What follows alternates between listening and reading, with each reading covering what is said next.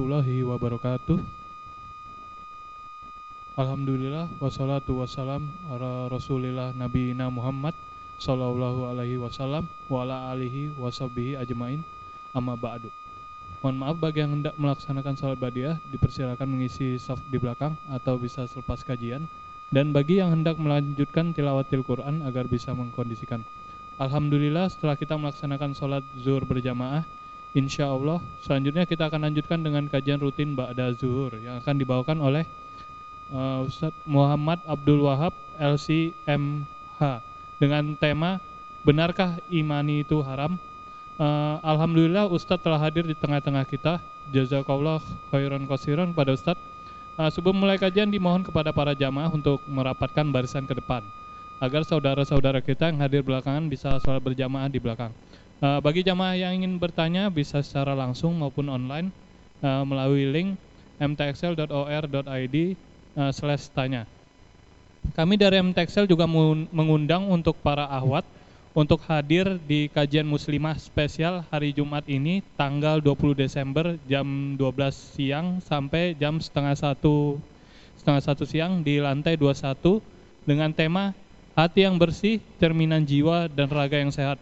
Insya Allah akan hadir Dr. Cindy Putri, yaitu dokter umum dan kecantikan, selebgram dan youtuber.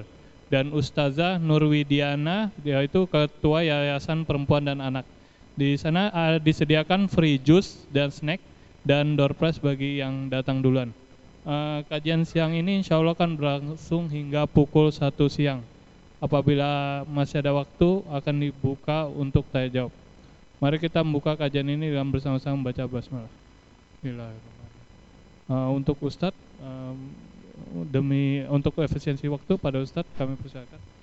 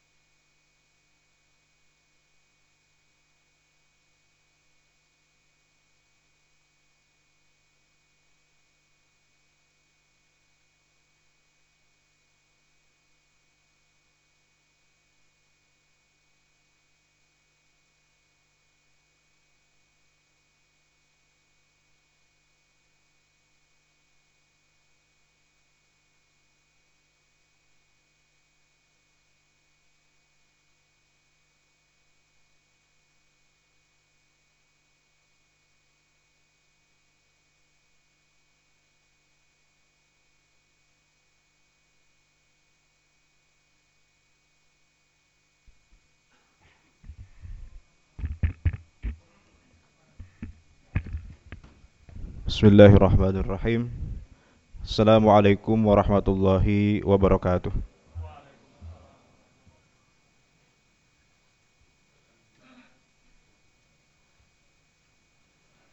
Innal hamdalillah nahmaduhu wa nasta'inuhu wa nastaghfiruh wa billahi min shururi anfusina wa min sayyiati a'malina. May yahdihillahu fala mudilla lahu wa may yudlil fala hadiyalah Allahumma salli wa sallim wa barik ala sayyidina Muhammadin وعلى آله وأصحابه ومن تبعهم بإحسان إلى يوم الدين رب اشرح لي صدري ويسر لي أمري واحلل عقدة من لساني يفقه قولي أما بعد Hadirin jemaah kajian pada zuhur yang dirahmati Allah pada kesempatan siang hari yang berbahagia ini. Alhamdulillah kita bersama-sama berkumpul di tempat ini insya Allah di muka ini mudah-mudahan kegiatan kita di siang hari ini mendapatkan keberkahan di sisi Allah Subhanahu wa taala dicatat sebagai pemberat timbangan amal soleh kita di yaumil kiamah amin ya rabbal alamin. Siang hari ini tema yang akan kita bawakan terkait dengan fikih muamalah lebih khusus tentang uh, alat pembayaran berupa imani ya. sekarang sudah jadi tren ya kita belanja apa pun beli apa pun sekarang sudah online dan uangnya pun tidak lagi pembayarannya menggunakan cash tapi menggunakan uang digital, uang elektronik ya. Nah, ini perspektif fikih muamalahnya bagaimana? Apakah pembayaran menggunakan imani ini sah menurut fikih? Sah menurut syariat minimal gitu ya. Kalau kita lihat sejarahnya, Pak, alat pembayaran dari masa Nabi Muhammad SAW yang kita tahu di masa Nabi itu orang kalau mau beli sesuatu pakai apa, Pak? Alat pembayarannya pakai apa? Dinar dan dirham. Sebetulnya di masa Nabi itu bukan itu saja yang dia pakai alat sebagai alat pembayaran. Disebutkan dalam hadis ada enam bahkan uh, apa namanya alat bayar alat tukar di masa Nabi emas, perak, gandum, kurma, garam, ah itu dipakai sebagai alat tukar di masa Nabi. Jadi kalau mau beli onta, beli apa gitu, bisa pakai gandum, bisa pakai kurma, bisa pakai garam. Dan itu yang asli, ya, yang asli. Justru dinar dan dirham itu, ah itu ternyata adalah impor dari peradaban sekitarnya. Dan dinar itu ternyata berasal dari Romawi, ya, karena dalam surat Quraisy disebutkan ya, li'ila fi Quraisy ilafihim rihlatas syita'i wasaif. Orang orang Quraisy itu mereka kalau musim panas mereka berdagang ke mana ke arah utara. Utara itu ke mana berarti? Utara Mekah. Syam, ya. Syam itu dulu dikuasai oleh Bizantium, Romawi, ya. Nah, pulang-pulang mereka bawa dinar. Ya, dinar itu nama aslinya denarius, ya, dari bahasa Romawi denarius. Begitu masuk ke Arab jadi dinar. Nah, dirham itu ternyata juga impor dari dari mana? Kalau musim dingin, nah dagangnya ke selatan. Selatannya ke mana? Yaman. Yaman waktu itu masih dikuasai Persia. Nah, adalah kemudian dirham yang bahasa aslinya drahma. Drahma kemudian dibawa ke Arab, eh dibawa ke Mekah gitu ya. Nah, namanya jadi berubah jadi dirham. Di Arabisasi gitu ya. Nama aslinya drahma. Sama kayak kita Pak kan, kalau bahasa serapan tuh kadang-kadang nggak sesuai aslinya kan gitu ya. Kayak bahasa Inggrisnya kan septic tank ya. Masuk ke Indonesia jadi apa? Speed tank kan gitu ya. Shock breaker jadi sebreaker gitu kan. Nah, Arab juga sama. Dinar itu ternyata dari bahasa Romawinya denarius. Masuk ke Arab jadi dinar. Dirham itu dari kata drahma dari Persia kemudian jadi dirham. Ya justru dinar dan dirham itu bukan uang asli peradaban Arab. Justru berasal dari peradaban sekitarnya. Jadi kalau kita lihat di Google gambar dinar itu ada tulisan la ilaha illallah Muhammadur Rasulullah di masa Nabi nggak begitu dinarnya. Di masa Nabi justru dinarnya itu gambar raja-raja Romawi. Nah, ada gambar Halim dan seterusnya. Karena memang impor dari Romawi. Ya, dirham itu juga raja-raja Persia. Nah, jadi itu perkembangan ya, apa namanya alat tukar di masa Nabi. Kemudian setelah itu eh, zaman berkembang, kemudian orang tidak lagi menggunakan emas sebagai alat tukar. Kemudian digunakanlah uang apa? Uang kertas. Yang dulunya uang kertas itu adalah sertifikat yang menunjukkan kepemilikan kita uh, terhadap emas, ya kan? Tapi kemudian sejak tahun 70 itu oleh apa Presiden Richard Nixon itu di Amerika kemudian diputus hubungan antara dolar dengan emas. Jadi dolar ya uang kertas saja, nggak ada backup emasnya gitu ya. Jadi dia punya nilai karena diakui oleh suatu uh, pemerintah. Tapi kalau tidak diakui ya nggak itu kertas aja nggak ada artinya gitu kan. Nah sekarang zaman berkembang lagi tidak lagi uang kertas ya. Sekarang uh, fisiknya sudah nggak kelihatan malah. Ya berbentuk digital uang elektronik ini. Nah uang elektronik kan nanti jenisnya banyak ya. Ada yang uh, chip base ada yang server base ya. Yang chip base itu tahu ya yang seperti apa misalnya. Imani yang server base. Ya dana ovo gitu ya gopay seterusnya gitu kan. Ya gitu kita harus online kalau mau beli pakai itu. Ada yang chip base jadi uang itu dimasukkan dalam chip, dalam kartu biasanya. Tidak harus online. Contohnya apa? e ya, flash. Ya, itu kan chip base ya. Chip base itu biasanya kalau kita punya uang di situ, hilang kartunya, hilang nggak uangnya, Pak? Hilang ya. Nah, beda dengan server base. Kalau server base kan uh, kecuali kalau akunnya dibobol orang kan, baru bisa gitu, kebobol. Tapi selama kita aman ak akunnya ya nggak bakalan hilang kan gitu ya. Uh, ada yang register, ada yang unregister kan gitu ya. Kalau yang flash dan seterusnya itu kan unregister ya, artinya tidak ada catatan siapa pemilik uh, apa namanya uang di situ. Artinya kalau ditemukan orang lain dipakai bisa nggak? Bisa kan, dihabiskan. Sama kayak dompet gitu kan.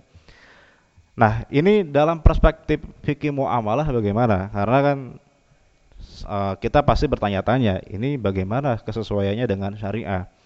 Nah, tentu begini. Uh, aturan fikih muamalah dalam Islam ini berbeda dengan aturan dalam fikih ibadah ya. Kalau ibadah itu aturannya ketat dan dalilnya sudah jelas, dalilnya sudah lengkap.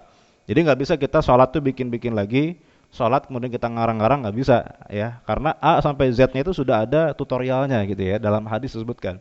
Jadi ibadah nggak bisa kita kotak-katik lagi. Tapi kalau mau amalah, nah ini Allah kemudian berikan aturan yang lebih fleksibel dan dalilnya pun general, tidak teknis ya, general tidak teknis. Itu kekhasan dalam fikih muamalah. Makanya kan kaidahnya beda. Kalau dalam ibadah kaidahnya apa? Al aslu fil ibadah at-tahrim. Hukum asal dalam ibadah itu tidak boleh kecuali kalau ada dalil yang melegitimasinya, yang menyuruh. Kalau muamalah sebaliknya semuanya halal kecuali yang diharamkan. Makanya dalilnya pun sangat general ya, prinsip-prinsip dasarnya saja. Nggak boleh riba, nggak boleh goror, nggak boleh maisir, nggak boleh nah itu. Maka tidak ada kita temukan misalnya dalil tentang GoPay itu ada nggak di Quran di hadis? Sampai kiamat itu nggak bakalan ketemu pak ya. Nggak ada ayatnya wa halallahu GoPay wa harrama GoFood misalnya nggak ada juga gitu kan.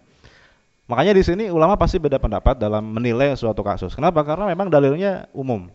Sehingga di sini butuh ijtihad, butuh uh, peran ulama dalam uh, mensinkronkan antara dalil umum terhadap kasus yang spesifik yang ada di zaman sekarang. Karena muamalah itu khasnya setiap zaman pasti ada hal yang baru yang tidak ada di zaman Nabi. Kalau ibadah kan sholat ya sampai hari kiamat begitu-begitu aja. Gak mungkin ada modifikasi, nggak mungkin. Tapi kalau mau amalah selalu ada hal yang baru. Ya contohnya sekarang kok imani ini, imani kan tidak ada di zaman Nabi. Kalau dikatakan bid'ah, bid'ah nggak ini? Ya bid'ah gitu kan. Tapi ini bukan masalah ibadah ya, ini mau amalah gitu ya. Nah, makanya kemudian kita coba, nah tidak bisa kita generalisir. Semua imani hukumnya halal atau haram nggak bisa. Karena tadi kan kasusnya beda-beda, ada yang chip base, ada yang server base, ada yang ketentuannya beda-beda antara GoPay, kemudian OVO, kemudian seterusnya kan ada diskon seterusnya. Nah, kalau kita tanya begini, kita ambil satu kasus deh, GoPay misalnya gitu ya. GoPay itu haram atau halal? Saya tanya, GoPay itu haram atau halal? Halal. Kebanyakan yang bilang halal atau yang haram? Halal aja deh. Ini pertanyaannya sudah salah sebetulnya. GoPay atau halal atau haram itu pertanyaan sudah salah. Sama seperti kayak saya tanya bank itu haram atau halal. Jawabannya apa? Jawabannya pertanyaannya sudah salah. Kalau saya tanya babi itu haram atau halal? Ini pertanyaan yang salah. Ya. Babi itu nggak haram nggak halal. Ya. Kalau cuma melihat babi haram atau halal? Halal ya kan? Menyentuh babi haram atau halal? ya halal cuma najis aja kan gitu ya. Nah, jadi hukum itu tidak terkait dengan benda. Hukum itu ter terkait dengan perbuatan. Ya. Jadi kalau saya tanya hukum babi itu haram atau halal? Apanya dulu kan gitu ya. Melihat babi halal, menyentuh babi halal. Yang haram apa? Memakan babi kan gitu ya. Nah, jadi hukum itu terkait dengan perbuatan, bukan dengan benda. Sama di, di dalam Quran disebutkan hurrimat alaikum ummahatukum diharamkan bagi kalian ibu-ibu kalian. Maksudnya apa di situ? Diharamkan apanya? Memakan ibu ya jelas nggak boleh kan gitu. Apa yang dimaksud dalam ayat itu? Hurimat alaikum ummahatukum. Diharamkan bagi kalian ibu-ibu kalian. Apa yang diharamkan? Hukum tidak terkait dengan benda, tapi dengan perbuatan. Perbuatannya apa di situ? Maka ulama mengatakan yang diharamkan adalah menikahi ibu. Nah, itu nggak boleh. Hurmat alaikum. Jadi di situ ada kalimat yang dibuang menikahi ibu. Nah, jadi diharamkan menikahinya gitu ya. Kalau salaman dengan ibu boleh nggak? Ya boleh kan gitu ya. Mencium ibu boleh ya boleh gitu kan. Nah, jadi GoPay ini harus kita bedah dulu apa yang kita anggap haram di sini atau yang kita permasalahkan di sini. Apanya kira-kira Pak? GoPay itu yang di yang sering dipermasalahkan apanya? Yang selama ini antum baca di internet di mana gitu ya. Diskonnya. Nah, udah mulai jelas kan? Jadi kalau dari awal saya, saya, saya tanya GoPay itu haram atau halal, ini pertanyaan salah gitu ya. Apanya dulu nih yang, yang dianggap dipermasalahkan? Menggunakan diskon dari GoPay. Itu kan dipermasalahkan. Pertanyaannya kenapa dipermasalahkan? Cashbacknya itu. Antum kan selama ini menerima bahwa itu haram, ya. Tahu nggak kenapa diharamkan? Atau ah yang penting saya dapat fatwanya haram ya udah saya nggak mau pakai GoPay gitu ya. Saya uninstall semua aplikasi yang berkaitan dengan imani misalnya gitu ya. Nah, tapi nggak tahu kenapa diharamkan. Kira-kira kenapa diharamkan? Akadnya apa? GoPay itu akadnya apa? Nah ini, ini kata kuncinya. Akadnya apa? Itu. Jadi kalau kita mau tahu suatu hukum, transaksi berdasarkan fikih muamalah, perspektif fikih muamalah, kita jelaskan dulu ini akadnya apa, gitu ya. Ini akarnya. Karena akar itu sangat menentukan halal atau haram.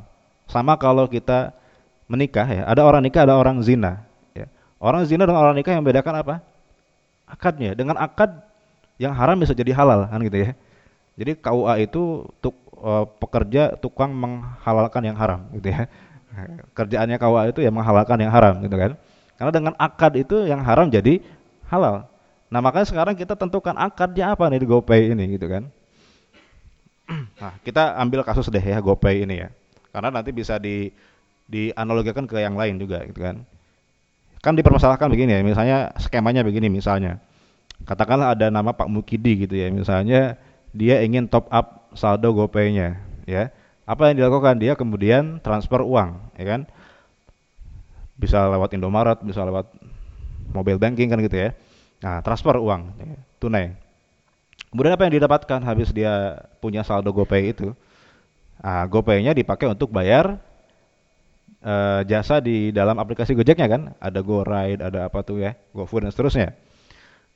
Nah berarti ini akadnya apa? Kita bayar saldo itu akarnya apa? Apakah jual beli atau hutang? Nah ini yang kemudian orang beda pendapat nih. Jual beli atau hutang sih ini akadnya. Dari mana kita tahu ini jual beli atau hutang? Dari skemanya, kita lihat skemanya bagaimana. Ya kan? Kita nggak lihat namanya ya. Kita nggak lihat nama, namanya kan top up ya. Tapi akarnya apa? Nggak lihat dari situ, dari, lihat dari substansinya, lihat dari skemanya. Sama kalau kita ke warteg. Ke warteg itu orang bilangnya minta nasi. Habis itu habis makan dia pulang, boleh nggak nggak bayar? Kan tadi bilangnya minta. Ya nggak boleh karena semua tahu bahwa itu akarnya apa? Jual beli kan walaupun uh, bilangnya minta. Nah ini bilangnya top up, cuma akarnya apa? Nah dilihat. Uh, ini jual beli atau hutang gitu ya. Yang mengatakan haram yang mengatakan GoPay itu tidak boleh karena dianggap ini adalah apa? hutang. Jadi seakan-akan kita top up saldo itu sedang menghutangkan perusahaan Gojek, sedang meminjamkan uang kepada Gojek. Karena saldo yang mengendap itu bisa dipakai. Bisa atau enggak? Bisa kan? Karena mengendap semua. Itu kan satu orang top up 100 ribu aja sehari. Ya, ada sejuta orang yang top up kali 100 ribu berapa tuh pak? 100 miliar kan satu hari bayangin gitu kan nah, itu perputaran uangnya besar nah jadi seakan-akan kita top up itu menghutangkan Gojek. Karena uang yang di, uang yang mengendap itu bisa digunakan. Gitu ya. Ini logikanya. Terus masalahnya apa? Kalau cuma menghutangkan kan boleh-boleh aja kan? Hutang menghutangkan boleh nggak dalam Islam? Boleh. Membantu orang kan boleh menghutangkan gitu ya. Cuma yang dipermasalahkan di sini apa? Karena dianggap hutang, ada manfaat yang diambil oleh pemberi hutang dari hutang itu. Itu berupa diskon, berupa cashback tadi. Nah, karena ada hadis mengatakan kullu qardin jarra naf'an fahuwa riba. Setiap hutang piutang yang mendatangkan nilai tambah kepada pemberi hutang namanya riba. Jadi di sini dianggap Pak Mukidi ini sebagai pemberi hutang, Gojek sebagai penerima hutang. Nah, si Pak Mukidi dapat diskon dari karena dia pakai GoPay. Karena dia sudah menghutangkan Gojek. Ya karena ada diskon berarti ini nilai tambah atau bukan? Nilai tambah dari hutang. Berarti hukumnya apa? Riba, haram. Jelas. Kalau dianggap ini akadnya apa? Hutang. Ya kan? Masuk akal nggak? Berarti haram. Gopay haram atau halal jadi sekarang? Tergantung niatnya. Nah, ini kita breakdown ini kita kritisi dari sisi akadnya hutang atau bukan. Eh, ini hutang atau bener nggak ini hutang atau bukan? Ya, ini hutang atau enggak sebetulnya akadnya gitu ya. Nah, di sini kemudian ada pendapat kedua mengatakan ini akadnya bukan hutang. Kenapa? Ya hutang itu begini kan. Hutang itu saya ngasih uang 10 juta sebagai hutang. Ya, kemudian dikembalikan berupa apa? Uang juga ya. 10 juta kembali 10 juta. Itu namanya hutang. Ya, itu namanya hutang. Qard dalam bahasa Arabnya. Sekarang saya ngasih uang 10 juta. Kemudian kembali dalam bentuk jasa. Itu namanya hutang atau apa? Jual beli ya. Jual beli atau hutang? Jual beli kan? Bedanya hutang dengan jual beli itu. Kalau hutang itu ya uang kembali uang. Kalau jual beli bedanya dia ada komoditasnya, ada komoditinya, baik berupa barang atau jasa. Saya ngasih uang kembali berupa jasa, kembali berupa barang. Itu namanya jual beli. Tapi di sini memang jual belinya tidak tunai. Karena begitu kita top up, nggak langsung kita pakai kan? Tapi andai kan kita habiskan langsung boleh atau enggak? Boleh kan? Kalau minjam meminjamkan, kita pinjamkan 10 juta, ya. Berarti kan uangnya dipinjam, bisa kita pakai enggak? Nggak bisa kan dipinjam. Tapi ini faktanya Begitu kita top up 10, 10 juta, kita habiskan semuanya, boleh atau enggak? Satu juga. Bisa atau enggak secara aturannya? Bisa. Nah, berarti di sini skemanya bukan hutang sebetulnya. Tidak cocok kalau dikatakan ini qard. Qard itu artinya kita ada kaidah mengatakan dalam fikih muamalah al qurud tuqradu apa tudfa'u bil misliyat.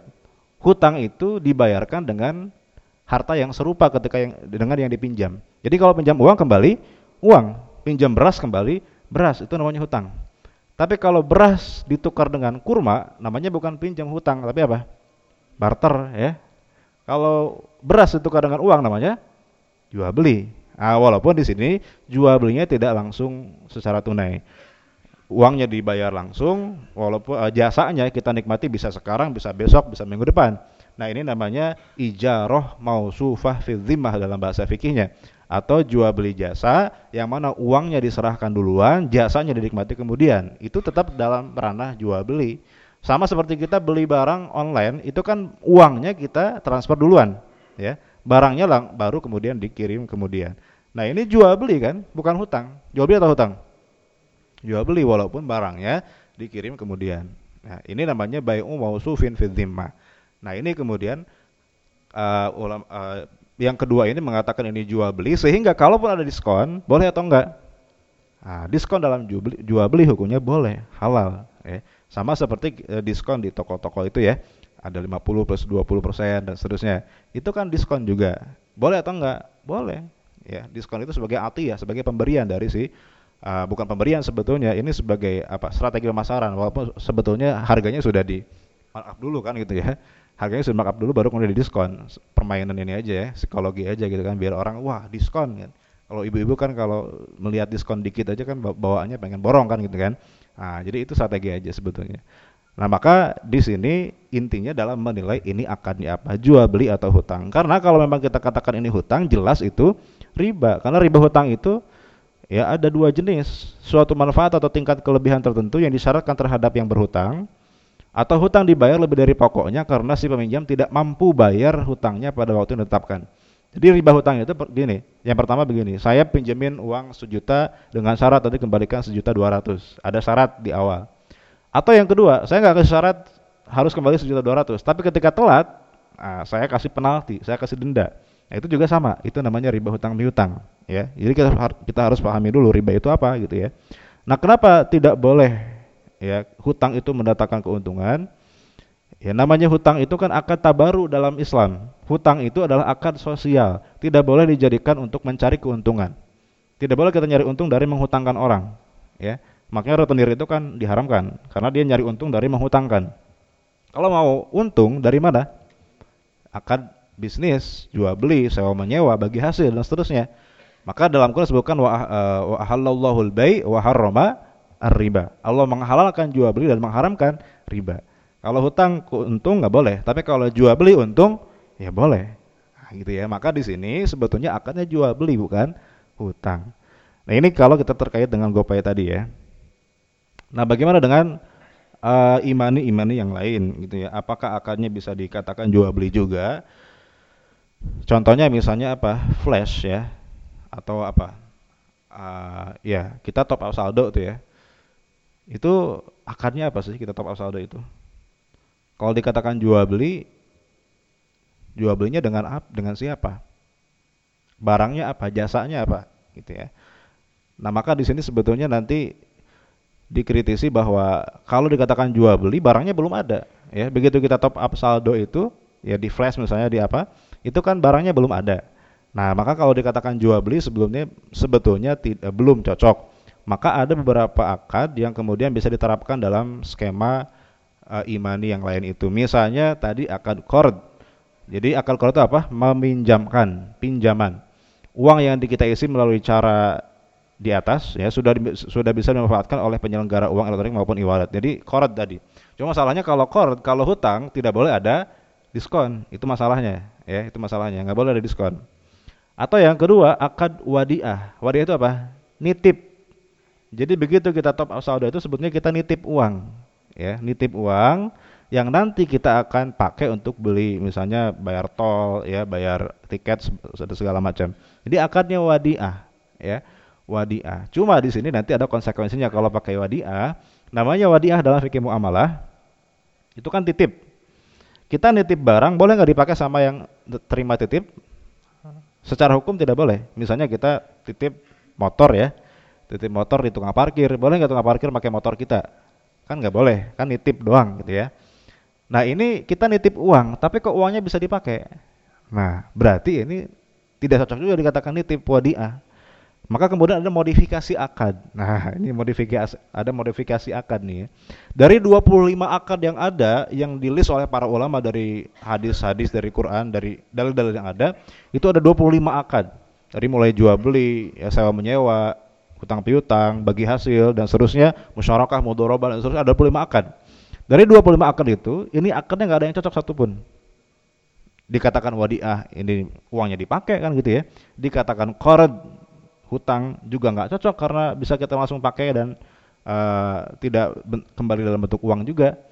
Maka di sini ada modifikasi, ada akad baru namanya wadiah yaddomana. Apa itu wadiah yaddomana? Wadi ayat domana itu artinya titipan yang mana barang titipan barang titipan itu dipakai oleh si uh, apa namanya penerima titipan. Karena kalau akad asli wadiah dalam Islam, barang titipan tidak boleh dipakai oleh penerima titipan. Karena dipakai, maka ada akad baru berarti ini. Wadiah domana. Nah, barang titipan yang mana si penerima titipan menjamin barang itu akan ada walaupun dia dia pakai gitu ya.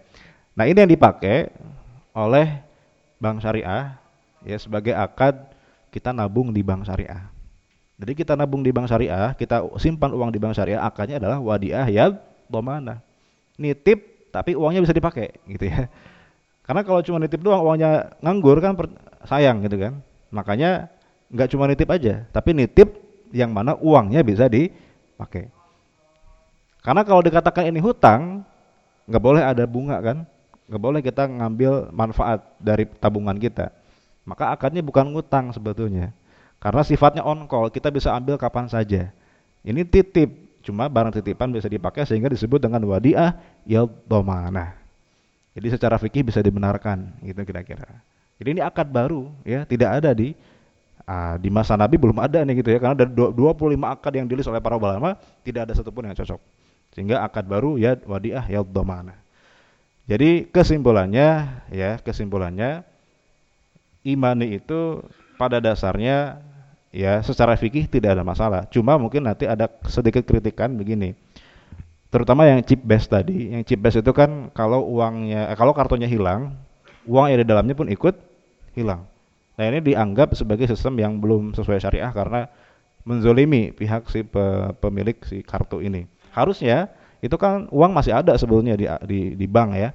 Harusnya jangan apa jangan hapus, jangan hangus gitu ya Nah, ini satu. Yang kedua, dianggap uh, kalau imani yang itu tadi flash dan seterusnya, itu kan disimpan di mana uangnya? Di bank konvensional. Nah, gitu ya.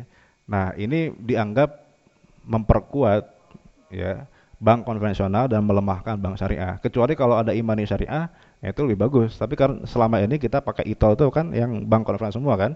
Jarang ada yang ada nggak di sini ada yang ITOL tapi yang syariah ada nggak? Belum ada ya. Kalaupun ada masih jarang orang pakai dan belum luas pemakaiannya. Kita masih seringnya pakai yang konvensional sehingga ini dianggap ah ini menyimpannya di bank konvensional nih gitu ya, masih bermasalah juga. Nah, itu yang dikritisi. Tapi ya zaman sekarang belum ada solusinya. Ya bank syariah belum bisa mengeluarkan imani syariah yang bisa di uh, pemakaiannya bisa luas gitu ya. Baru orang tertentu aja yang bisa pakai. Di kampung-kampung mana ada bank syariah ya, adanya BRI lagi, BRI lagi kan gitu ya.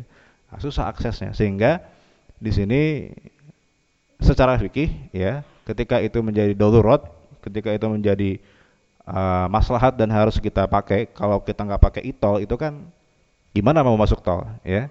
Memang ada orang yang dia dari awal komitmen saya tidak akan masuk tol. Ya karena itolnya kan disimpan di bank konvensional gitu ya. Ada tapi kan tidak semua orang bisa begitu ya.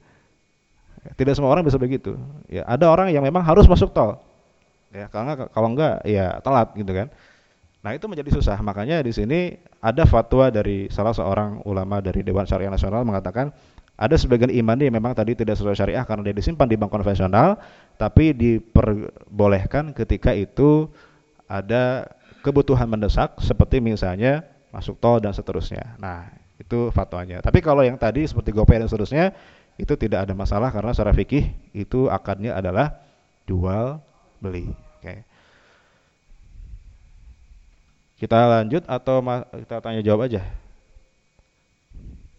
Sampai jam satu ya? Ada 15 menit lagi kalau gitu. Nah saya bahas yang kedua aja deh. Ini kita keluar dari imani, kita masuk ke GoFood aja deh. Karena GoFood juga sering dipermasalahkan. Ini biar kita tahu fikihnya gimana ya. GoFood ini sering dipermasalahkan kenapa? Karena ini ya. GoFood itu kan kita pesan pesan makanan ya lewat driver. Kita pesan makanan, dibelikan makanan kita kemudian driver membelikan makanan ke warung. Nah, si drivernya kan menelangi pembayaran, oke? Okay? Dari uangnya pribadi karena dia kita nggak transfer ke ke akun driver dia nalangin dulu. Kemudian habis dia beli diantar ke tempat kita. Maka kita bayarnya dua. Kita bayar hutang talangan e, bayar uang apa makanan tadi kemudian bayar jasa antarnya. Di sini yang dipermasalahkan ada dua transaksi dalam satu akad. Ada dua transaksi dalam satu akad. Akad apa? Akad ijaroh dan akad kord akad sewa menyewa jual beli jasa dan akad hutang piutang. Jual belisannya jasa apa tadi? Jasa mengantarkan makanan. Ya, akan hutang karena si driver menalangi pembayaran makanan, menghutangkan istilahnya gitu ya. Nah di sini kemudian dia mengatakan, oh berarti ini dua akad dalam satu transaksi. Sedangkan ada hadis mengatakan, nah ada hadisnya. Hadis mengatakan ini hadis sahih dari uh, Abdullah bin Mas'ud bahwa Nabi Muhammad SAW melarang sofkotaini fi sofkoh. Nabi melarang dua transaksi dalam satu akad ya two in one itu nggak boleh. Nah cuma di sini yang harus kita pahami bahwa hadis ini ada maksudnya, tidak bisa dipahami secara tekstual. Nanti para ulama mengatakan bahwa tidak semua dua transaksi dalam satu akal itu haram. Karena kalau semua haram, ya kita beli tiket bis yang plus harga makan, berarti haram juga dong, ya. Kan ada tiket bis yang plus harga makan kan? Ada juga kita misalnya beli apa tuh? Beli handphone plus kartu perdana misalnya gitu kan kan berarti dua akar bisa transaksi berarti haram juga nah ternyata nggak sesempit itu ya. Hadis ini nanti dipahami oleh para ulama bahwa yang dimaksud dengan dua transaksi dalam satu akad adalah kalau berimplikasi terhadap riba. Contoh apa? Misalnya misalnya begini. Ada petani dia butuh modal untuk bercocok, bercocok tanam. Dia pinjam ke pengusaha 10 juta. Kata pengusaha boleh saya pinjamkan dengan syarat nanti hasil panen yang kamu dapatkan jual ke saya dengan harga di, di bawah pasar dengan harga murah. Nah ini kan dua akad dalam satu transaksi ya, akad pinjam meminjam dengan akad jual beli hasil panen. Ini dua akad ini haram kenapa? Karena ada riba di sini. Ribanya di mana? Si pengusaha ketika meminjamkan uang 10 juta, dia memberi syarat hasil panen harus dijual ke dia dengan harga yang lebih murah. Oke, berarti ada nilai tambah ya. Ada nilai tambah yang diambil oleh si pemberi hutang. Itu berupa apa? berupa harga panen yang lebih murah karena andai kan kalau dia nggak ngutangin dia belinya harganya harga normal gitu ya tapi karena dia ngutangin mau nggak mau si petani ini dia ngasih harga yang di bawah pasar Ada eksploitasi di sini gitu ya. Sehingga ini diharamkan. Dua akad dalam satu transaksi yang mengandung kemudian keharaman riba. Nah, dalam GoFood ini ada nggak ribanya kira-kira? Ya. Ketika kita uh, si driver yang meminjamkan uang untuk membelikan makanan, kan berarti driver sebagai pemberi pinjaman. Kita sebagai penerima pinjaman, ya. Berarti kan si driver tidak boleh mengambil manfaat nilai tambah dari hutangnya. Ada nggak nilai tambah yang diterima driver ini dari hutang itu? Tidak ada, tidak ada. Bahkan justru yang terjadi malah si drivernya yang sering didolimi kan gitu ya. Kalau riba itu kan pemberi hutang yang mendolimi yang memberi hut yang penerima hutang. Nah ini malah terbalik.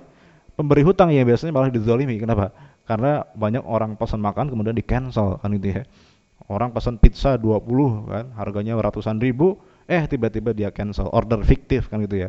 Nah ini malah menzolimi, ini harus ada aturan yang bisa menyelesaikan ini gitu harusnya. Nah ini berarti tidak ada riba di sini sehingga tidak semua dua transaksi dalam satu akad adalah haram. Yang haram adalah kalau dua gabungan dua akad itu kemudian menghasilkan keharaman berupa riba.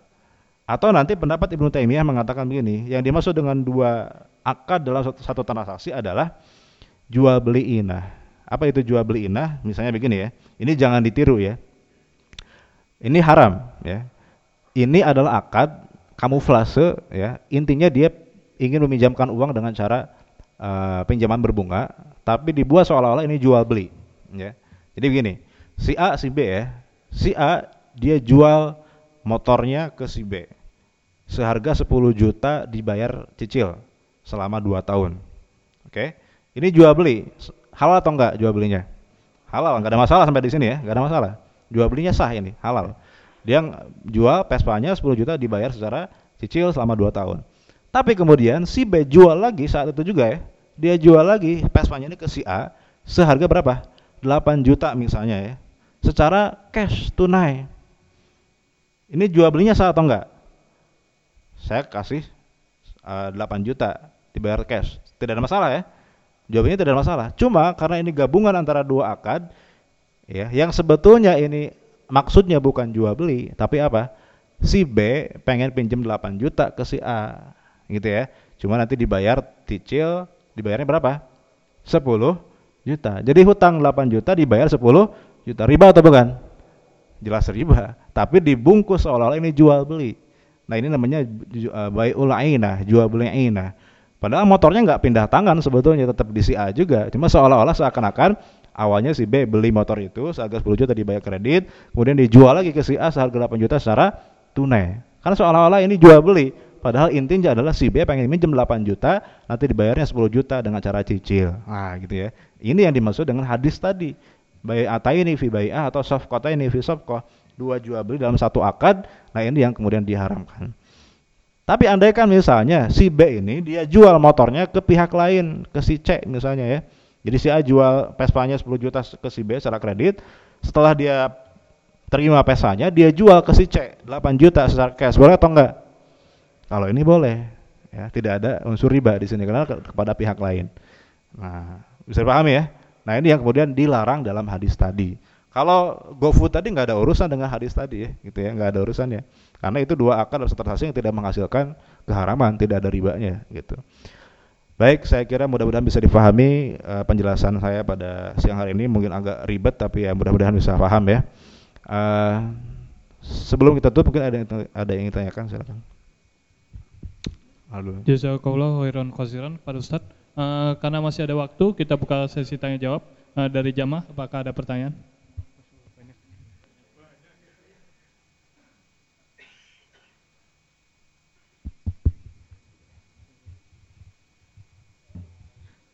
Assalamualaikum warahmatullahi wabarakatuh. Waalaikumsalam. Uh, gini Ustaz yang tadi tentang GoPay ya, kan ada dua pendapat ya, halal, yang satu halal, yang satu haram. Apakah ini bisa dibilang ini berarti merupakan suatu syubhat? Gitu. Yang kedua, hmm. apa kalau misalnya cejo lagi ini yang saat ini ini kan berarti tidak masalah ya? Yang ini? Iya, uh -uh. yeah, nggak masalah. Hmm. Berarti yang tadi aja. Pertanyaan pertama. Yang pertama ya, oke. Okay. Iya, ya koir. Langsung jawab atau ditabung dulu? Langsung jawab ya. Ah ini kan tadi GoPay itu ada dua pendapat, satu halal, satu haram. Berarti subhat dong. Nah, subhat itu kan harusnya di apa? Dijauhi ya. Eh, subhat itu harusnya dijauhi. Kata Nabi kan eh, faman taqwa subhat faqad sabra ali irdihi wa dini. Orang yang menjauhi subhat maka telah terbebas dalam agama dan kehormatannya. Jadi subhat itu ya harus dijauhi. Nah, cuma begini, subhat itu ada karena apa? Kan kita baca hadis secara secara lengkap ya innal halala bayinun wa innal harama bayinun. Yang halal sudah jelas, yang haram sudah jelas. Jadi Allah tidak mungkin menyamarkan hukum, ya. Semua hukum Allah jelaskan mana yang halal, mana yang haram. Gak mungkin Allah membuat jebakan Batman. Sengaja Allah nggak kasih tahu nih, ketika kita lakukan haram loh, masuk neraka kan? Gak mungkin. Pasti Allah jelaskan. Yang halal sudah jelas, yang haram sudah jelas tapi bahwa bainahuma umurun mustabihat di antara kedua itu ada hal yang samar-samar bukan karena Allah yang menyembunyikan hukumnya tapi kenapa la ya'lamuhunna katsirun minan nas banyak orang yang tidak tahu jadi kenapa ada subhat karena pengetahuan orang yang tidak sampai nah gitu ya jadi sub, subhat itu subjektif. Bisa jadi bagi saya subhat bagi orang lain enggak. Kenapa? Orang lain sudah ngaji sudah tahu hukumnya. Gitu ya. Dan dia yakin terhadap hukum itu. Jadi subhat itu subjektif. Maka kalau orang jarang ngaji, ya, orang jarang, maka dipikirannya pasti banyak subhat. Ya, tadi saya batal atau enggak wudhunya ya, gitu ya. Tapi kalau orang itu ngaji, maka subhat itu akan ah, lebih sedikit gitu ya. Makanya fungsi kita mengaji itu untuk menghilangkan subhat dalam pikiran kita gitu ya. Nah jadi kalau menurut kita ini masih kita belum yakin nih. Uh, yang haram juga masuk akal juga gitu ya. Kok ini haram? Ya juga sih gitu ya yang halal juga iya juga sih berarti kan bagi, bagi kita ragu-ragu nih ya udah tinggalkan ya tapi kalau kita yakin dengan salah satu saya kira sih ini yang halal lebih yakin saya gitu kan nah, ya udah ya kita berpegang kepada yang halal ini gitu. Jadi tergantung keyakinan kita sebetulnya. Subhat itu ada karena pengetahuan kita dan keyakinan kita gitu.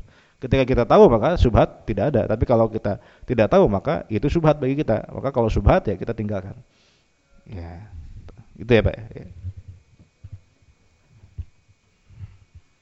Assalamualaikum Tat. Waalaikumsalam.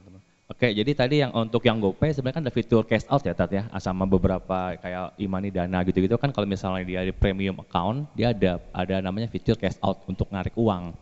Apakah pada saat fitur cash out itu akadnya berubah menjadi utang karena yang dikembalikan kita adalah uang sama yang seperti kita kasih tunai ke mereka. Yang pertama. Yang kedua, eh, ya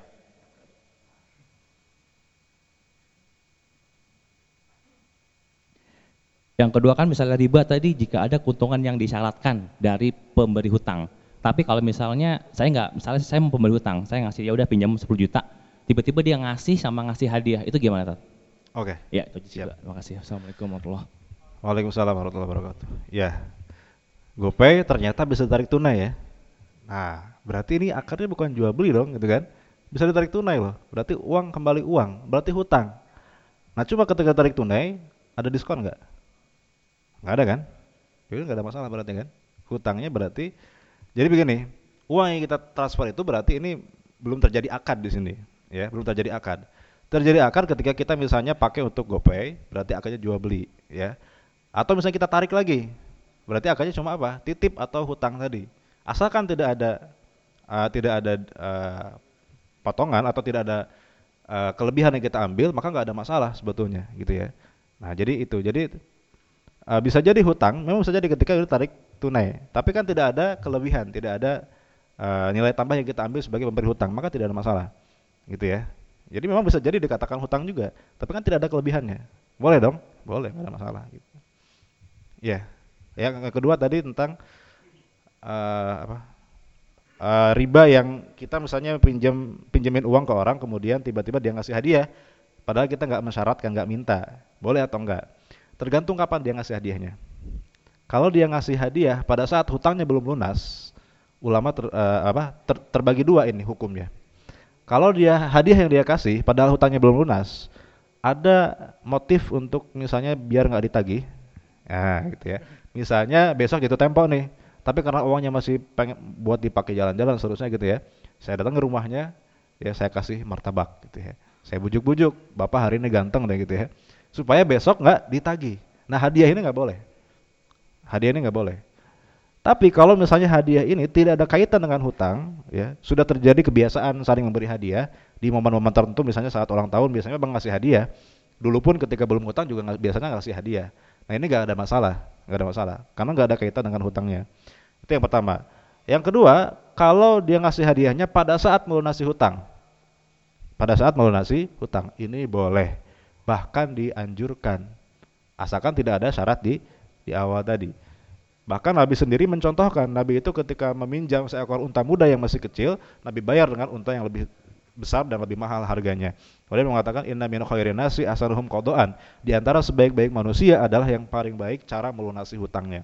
Jadi kalau kita ngutang 10 juta ke orang, asalkan nggak ada perjanjian di awal ya, sebagai inisiatif sebagai, eh, si peminjam untuk rasa terima kasih karena telah dibantu, saya bayarnya dengan kelebihan itu malah boleh dan dianjurkan malah gitu ya. Yang nggak boleh adalah kalau tadi disyaratkan atau dijanjikan di awal atau hadiah yang tadi hutangnya belum lunas kemudian dikasih hadiah untuk apa, ada udang di balik batunya lah gitu ya terkait dengan hutang tadi itu yang nggak boleh gitu. Baik, cukup Oh, ini ada satu dari eh, dari online ya, Ustadz. dari online. Ah, iya. Eh, Ustadz, jika kita meminjam uang kepada orang yang menerapkan unsur riba, apakah kita dapat dosa juga? Meminjam uang Meminjam uang kepada orang yang menerapkan unsur riba, apakah kita dapat dosa juga? maksudnya gimana menerapkan unsur riba?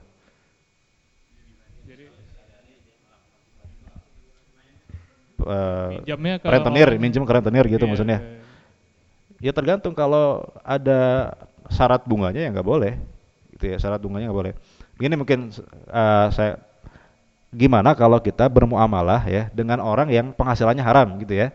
Nah, misalnya ada orang habis nyolong ayam, gitu ya. Kemudian kita diajak ke rumahnya, "Yuk, kita makan ayam goreng yuk. Kita tahu itu ayam hasil nyolong, boleh atau enggak? Nggak boleh kan? Nggak boleh, itu sepakat ya atau misalnya begini yang kedua ada Pak Bambang misalnya gitu ya ini mohon maaf nih bukan Pak Bambang di sini ya ini tokoh fiktif ini ya. Pak Bambang misalnya dia punya dia seorang rentenir. Tapi dia juga punya usaha cuci mobil ya. Usaha cuci mobilnya halal dong halal ya. Nah kemudian boleh nggak kita cuci mobil di tempatnya Pak Bambang ini? Boleh atau enggak boleh. Atau misalnya begini, contoh lain. Ada orang penghasilannya campur nih. Dia eh, pekerjaan intinya misalnya dia seorang pedagang. Cuma kadang-kadang dia suka judi. Nah, dia suka dapat uang dari hasil judi misalnya gitu ya. Dagangnya kan halal. Nah, suatu saat kita diajak makan oleh dia. Boleh nggak? Halal atau haram? Boleh aja deh gitu ya, gratis ini kan gitu ya. Boleh atau enggak? Subhat. Nah, di sini ada dua pendapat memang. Ada yang mengatakan idza idza talatal halal wal haram gulibal haram. Kalau yang halal dan yang haram bercampur maka dimenangkan yang haramnya. Jadi seolah-olah semuanya haram. Boleh nggak boleh. Nah, ada yang kedua mengatakan begini, kalau kita tidak tahu ya, itu halal dan haram bercampur dan kita nggak tahu dari mana eh, dia ngasih ke kita itu, maka tidak ada masalah. Dalilnya apa? Dalilnya Nabi Muhammad SAW sendiri dan para sahabat itu sering bermuamalah dengan orang Yahudi. Sedangkan orang Yahudi itu mereka makan riba. Ya, mereka makan riba, tapi juga mereka punya usaha yang halal gitu ya. Tapi Nabi kemudian para sahabat juga bermuamalah. Bahkan Nabi itu sebelum meninggal, beliau pernah menggadaikan baju besinya kepada seorang Yahudi. Setelah meni- eh, sampai meninggal itu baju besi belum ditebus sama Nabi kan gitu ya, karena hutangnya belum kebayar. Nah, ini dalil berarti bahwa kita bermuamalah dengan orang yang sebagian penghasilannya haram boleh selama kita tidak tahu ini kita tercampur istilahnya ya, nggak tahu yang mana yang diberikan ke, ke kita apakah dari yang halal atau dari yang tapi kalau sudah jelas tadi misalnya contoh pertama ya dia nyolong ayam kita ngajak kita makan bareng ayam yang hasil colongan tadi ya itu kan jelas nggak boleh gitu. Jadi kita gantung tadi kalau teman kita itu dia punya penghasilan halal juga eh tapi ada sebagian yang haram misalnya kemudian dikas- di, kita diajak makan ya udah makan aja nggak apa-apa gitu ya. Karena kita ada penghasilan halal kecuali kalau dia memang jelas penghasilannya semuanya dari harta haram nah kalau bisa jangan gitu ya. Oke Eh, Alhamdulillah karena waktu telah menunjukkan pukul 1 siang ke, kita cukupkan kajian hari ini. Eh, kita tutup dengan doa kafaratul majelis. Subhanakallahumma wa bihamdika asyhadu alla ilaha illa anta astaghfiruka wa atubu ilaik. Wassalamualaikum warahmatullahi wabarakatuh.